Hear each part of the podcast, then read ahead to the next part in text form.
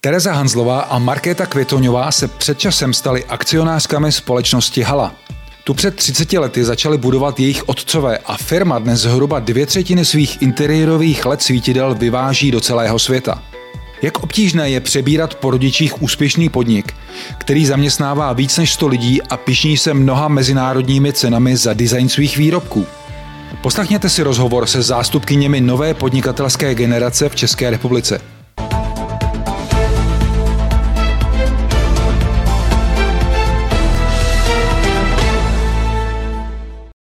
Ve studiu dnes vítám Terezu Hanzlovou a Marketu Kvetoňovou. Dámy, dobrý den.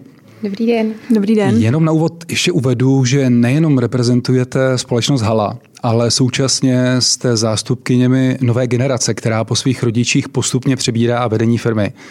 Obě jste akcionářky, Tereza má na starosti marketing ve firmě, eh, Markéta je provozní ředitelkou a současně řídí oddělení lidských zdrojů, nebo HR, jak se dneska česky říká.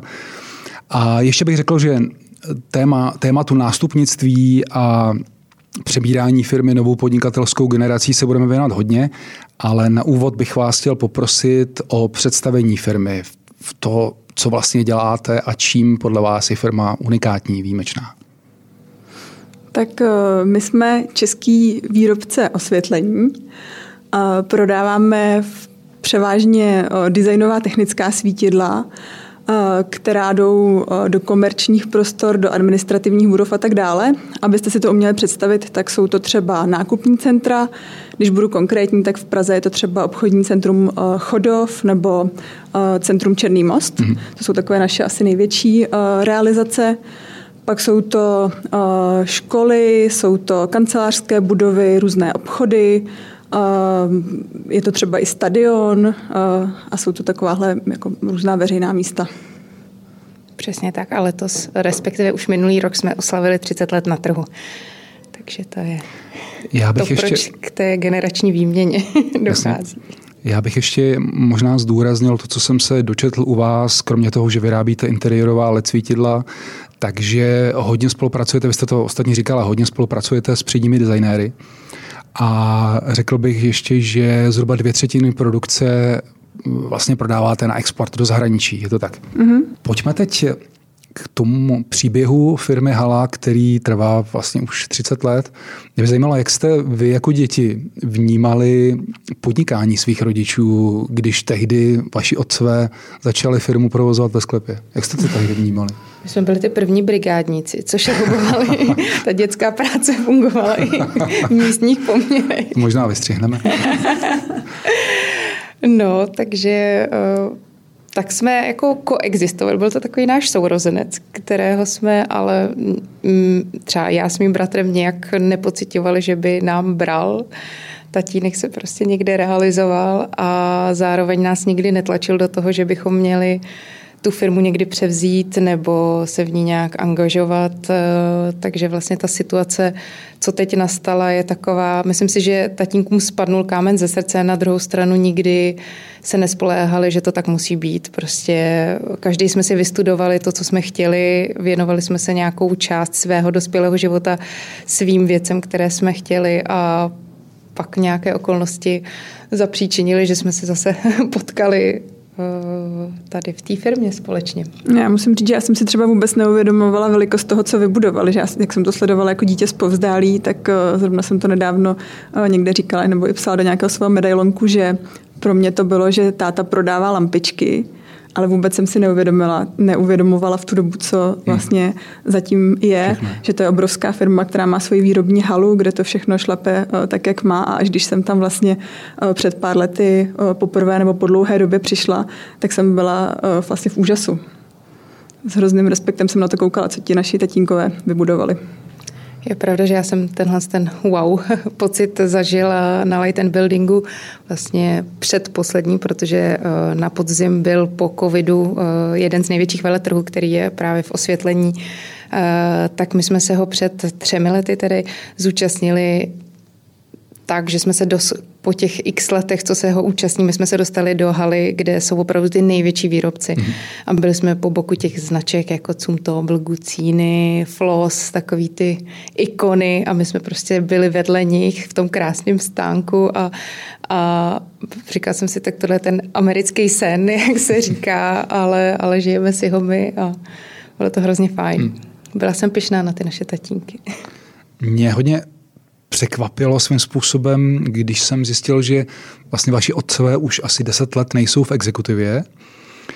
A jestli můžete vy ze svého pohledu popsat nebo vysvětlit, jak k tomu došlo, protože eh, já vím, že ten, ta vlastně převádění firm na tu nástupnickou druhou generaci v České republice se hodně řeší a je jeden z největších problémů, který tam je, že ti otcové zakladatelé se toho svého životního díla nejsou příliš ochotní vzdát vlastně. Čili tohle mi přijde hodně unikátní.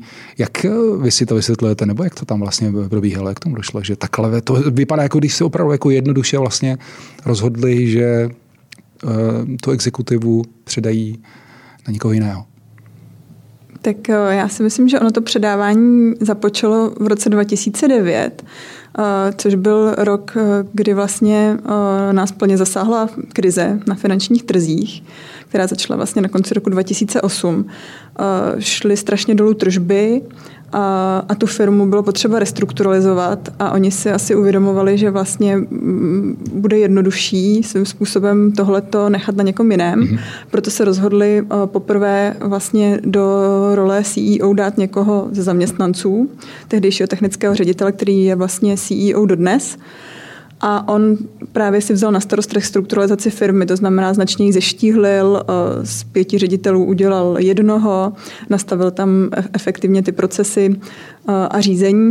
A to bylo vlastně poprvé, kdy nějakým způsobem tu firmu začali dávat do rukou někomu dalšímu a pak už postupně eh, to šlo tak, že se odpojovali a občas zase zapojovali tak, jak bylo potřeba a myslím si, že s tím asi souvisela i nějaká e, vize osobní svobody a asi i to, že silně cítí e, rodinu oba, takže měli nějakou potřebu se třeba věnovat víc svým rodinám, takže tam těch faktorů bude víc. Mm-hmm.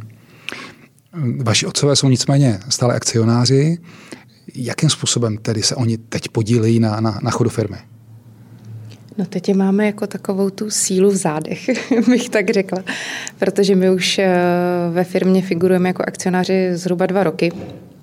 Takže to nebylo nějak čista jasná ani pro tu firmu rána a ani pro nás, protože my jsme měli poměrně velkou pokoru v tom, že přicházíme k firmě, která má za sebou 30 let existence a doufejme spoustu let ještě před sebou a nechceme to pokazit a má nějaké své zvyklosti a my nepřicházíme s tím, abychom to všechno přeorganizovali a udělali podle svýho jenom protože jsme teď tady my.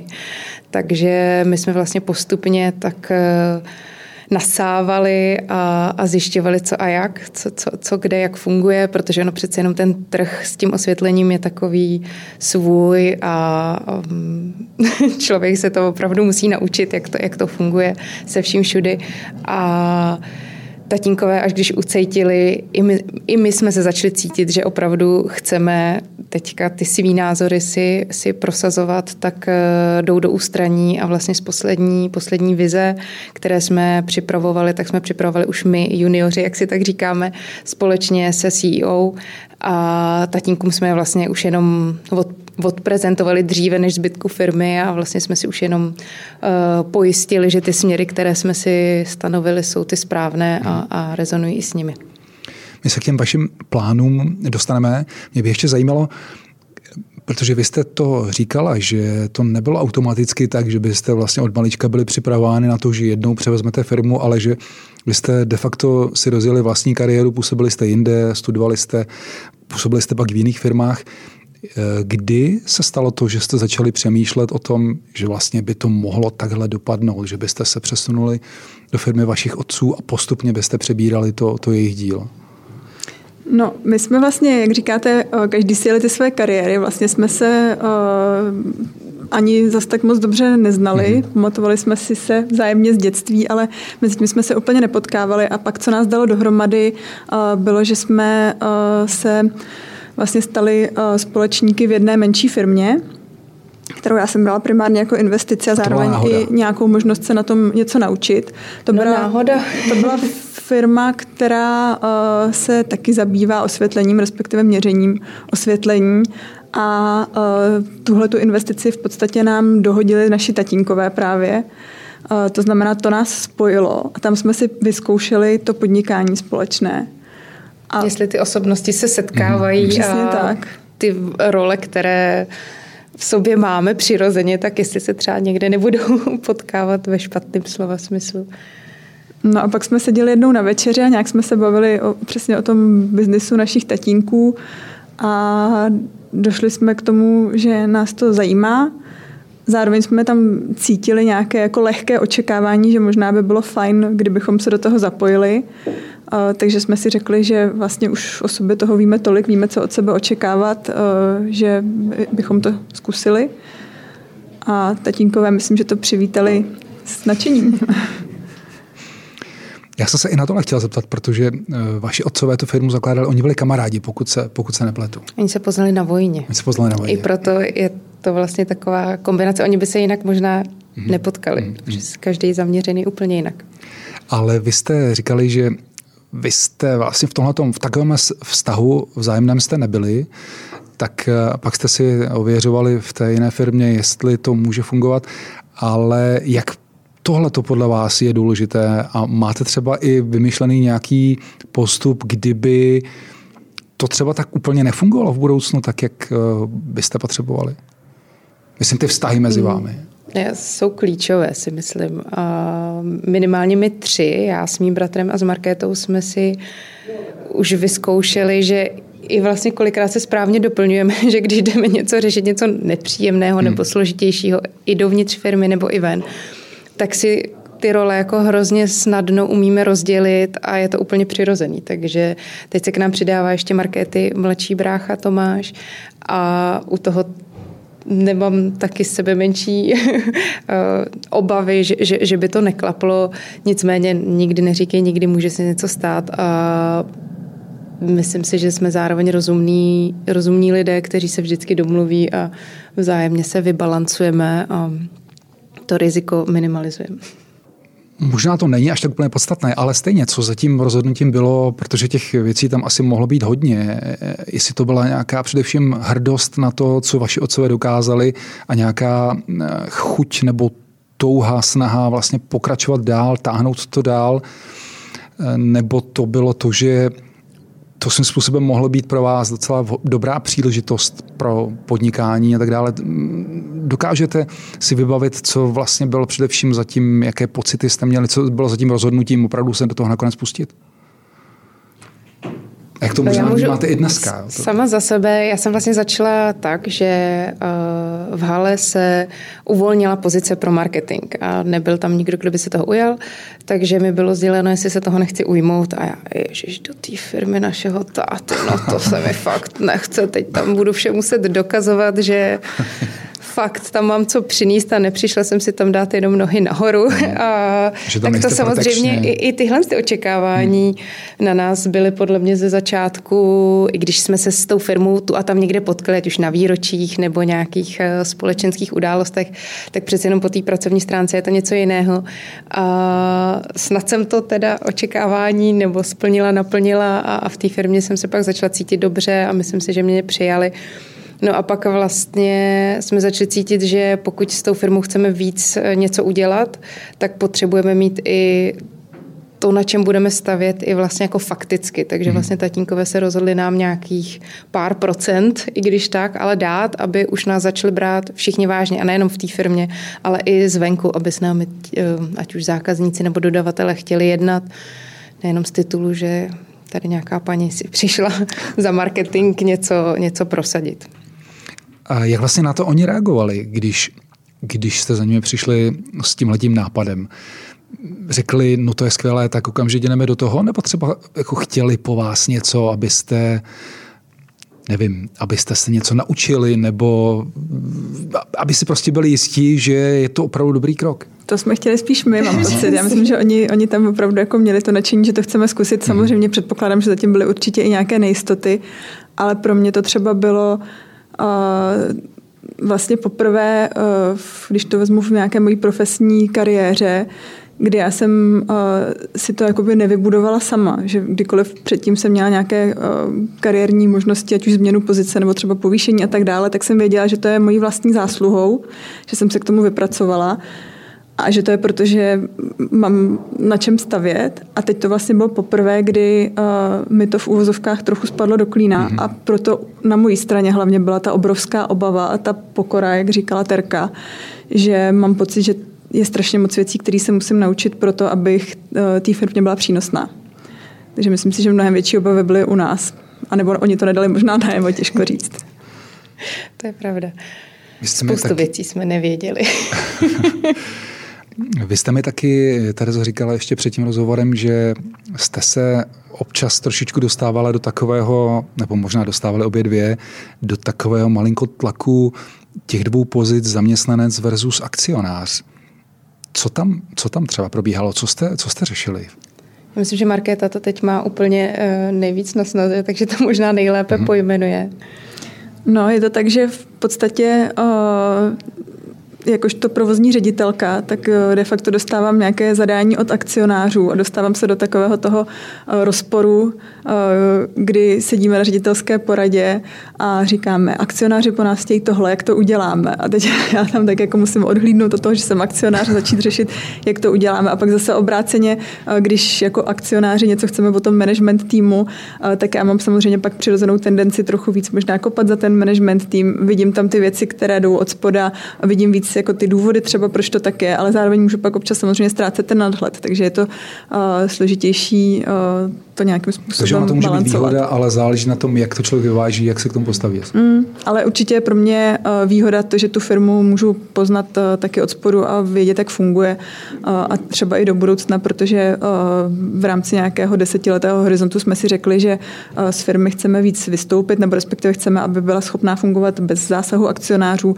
tak si myslím, že mi to ale pomůže, to, že ji znám. Podle zahraničních statistik to vychází tak, že zhruba až 70% rodinných firm nezůstává v majetku té zakladatelské rodiny. Tak kdybyste vy po té zkušenosti, kterou zatím máte, měli doporučit třeba jiným firmám, které se k tomuhle procesu chystají, co podle vás je, nesi se dá říct klíčové, ale na co prostě se nesmí zapomenout, a co by si měli dát pozor v, tom procesu, co byste jim hlavně doporučili? No já myslím, že ještě pořád nemáme vyhráno, takže dávat nějaký recept uh, není úplně fair. Ještě jsme nezvítězili. Nicméně uh, já za sebe cítím to, že můžu stavět na svých znalostech a na tom, co já už jsem dokázala nebo co jsem se kde naučila a že mě doplní někdo jiný, s kterým můžu společně ty věci posouvat dál, ale zároveň to souznění v tom, že to chceme stejně nebo minimálně ten cíl máme stejný, tak je to hrozně osvobozující pro mě, že to ne, nestojí jenom na mě, že jsou tam lidé, kterým můžu důvěřovat, protože přece jenom té rodině se vždycky dá o trošku víc důvěřovat než komukoli jinému. A myslím si, že zároveň budeme jako obrovské přátelství, které nechci říct, že jsme ho ztratili, ale vlastně jsme ho tam neměli mhm. a že ten biznis je vlastně ve výsledku vedlejší a když se na to člověk poznese, tak ten kámen spadne. Takže máte pocit, že by měly fungovat hlavně ty vztahy především v první řadě a pak může fungovat ten biznes? A zároveň pokora k tomu, kdo v čem je dobrý a v tomu dát ten prostor. Hmm. Že jsou věci, do kterých já zasahovat nechci, nebo se z nich ráda klidně uleju, ale protože vím, že někdo jiný uh, se v tomhle tom lépe prosadí a, a posune to tím směrem, kam vlastně všichni ve výsledku potřebujeme. Já tam... to, jak vy to vidíte? Já tam vnímám uh, asi dvě další důležité věci. Uh, jedna věc je, že nás rodiče do ničeho netlačili, to si myslím, že je důležité. A, a další věc je uh, to, že to bylo postupně. Že jsme vlastně jako sice byli hození do vody, do něčeho trochu neznámého, ale furt víme, že je máme v těch zádech a furt se jich můžeme ptát a postupně se učíme.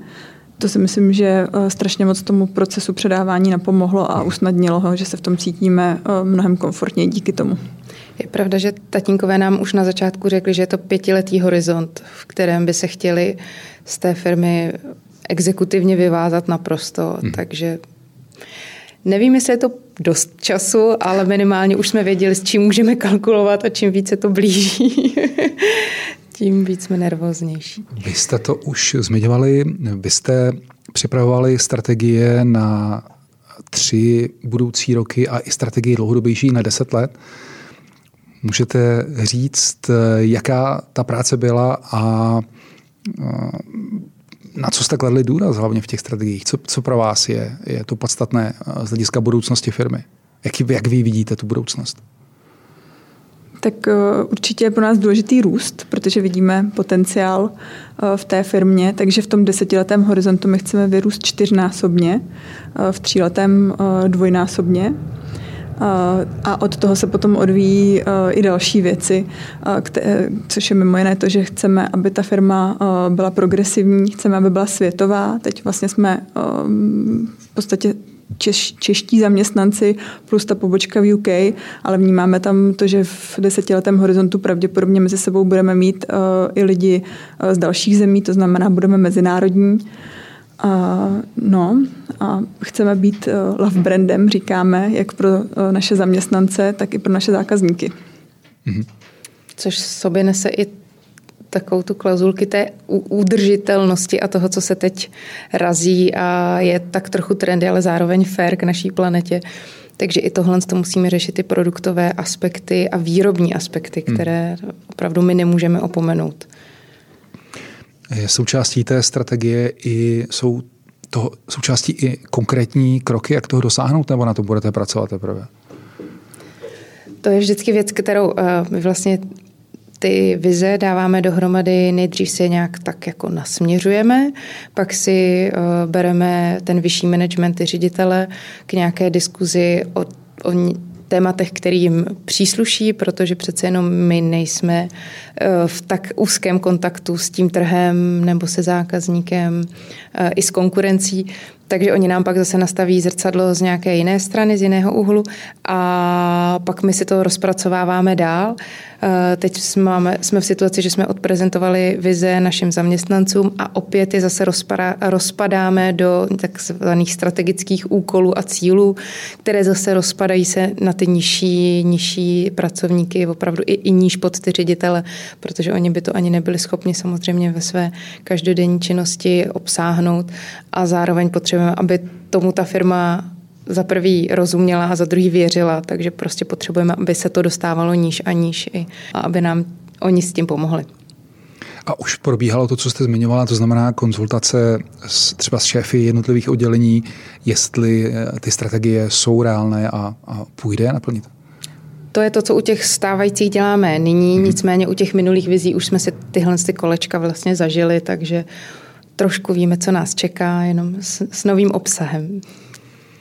Vy jste taky někde buď říkali, nebo, nebo píšete na webu, že součástí těch strategií by měla být určitá proměna firmní kultury. Co to znamená například?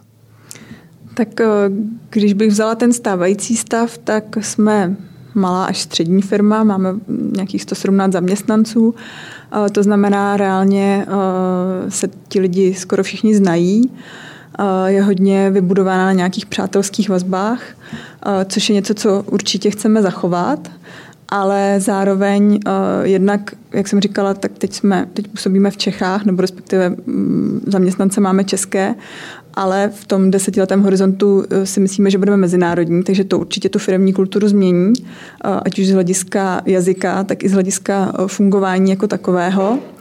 A vnímáme tam, že pokud chceme být eh, progresivní, tak eh, musíme být i důslednější, eh, víc dotahovat některé věci, víc si zavlastňovat úkoly. Takže chceme stavět na tom, co máme a chceme to posouvat dál. Hmm. A možná ještě jedno téma, co mě napadá, že teď vlastně hodně firma, co se týče obchodu, spoléhá na obchodní oddělení. Vnímá to, že obchodní oddělení je ten, kdo nám zajišťuje ty tržby a tohle paradigma bychom chtěli taky trochu změnit. Chtěli bychom, aby vlastně všichni v sobě měli to, že přispívají tomu obchodu. Jaký vlastně je, nebo měl by být další postup té, té generační obměny? pokud jde o vaše role a vlastně i role dalších eh, nových akcionářů? Jestli to máte už vymyšlené. Mluvili jste o tom, že vaši otcové během pěti let by se chtěli úplně vyvázat z, té exekutivní, z těch exekutivních funkcí, takže co by pak vlastně mělo následovat? No, my před námi máme teďka velké, velký úkol eh, pracovat na našich manažerech, abychom měli obecně nejenom manažery, ale kolegy na všech úrovních takové, jaké potřebujeme, aby jsme z té firmy mohli za těch deset let ideálně také nějakým způsobem se vyvázat. Eh, takže to, kam my teď směřujeme eh, naše, na, naše úsilí, je opravdu vytvářet buď to z našich lidí dobré manažery, anebo se obklopovat novými schopnými lidmi lidmi, na které to pak budeme moci předat. Mm-hmm. Takže, eh, jestli správně chápu, vaším plánem je zhruba do těch deseti let vlastně taky předat eh, tu exekutivu potom dál. Minimálně mít možnost jí předat. Hmm. Uvidíme, jaká, jakou, kdo bude mít situaci, protože někdo mm, třeba Tomáš, eh, pracuje na plný úvazek eh, v nějaké firmě, takže nikdy nebude, nebo minimálně v nějakém krátkodobém horizontu se zatím zapojovat aktivně. Uvidíme třeba, eh, pak si to rozmyslí a bude cítit, že naší firmě přinese hodně víc, než kolik by si třeba vnitřně užil eh, ve svém současném zaměstnání. Eh, každý máme nějakou jako životní etapu, ať už jinou, více rodině laděnou. Eh, můj bratr má vlastně svoji firmu, která dělá grafický design celosvětově pro zákazníky třeba i z Ameriky a dělá to odsud. Takže každý máme nějaký svý příběhy, které bychom chtěli nějak společně protknout a zároveň, aby nikdo nebyl ustrkován s tím, co by si přál a chtěl dělat. Takže vlastně proto tu firmu chceme dát uh, do kondice takové, abychom si mohli dělat, co chceme. A ale pokud samozřejmě... budeme mít pocit, že zrovna té firmě jsme přínosem, tak v ní rádi budeme, ale já věřím, že uh, za pár let bude jiná provozní ředitelka nebo provozní ředitel, který bude uh, daleko schopnější než já a já budu se na to ráda dívat pozdálí. Také se to podaří. Děkuji za rozhovor. Moc děkuji Díky za pozvání. Naše další inspirativní rozhovory zaměřené na různá podnikatelská témata si můžete poslechnout na podcastových platformách Spotify, Google Podcast a Apple Podcast. Videoverze rozhovorů pak najdete na YouTube kanálu Business Info a aktivní jsme i na sociálních sítích.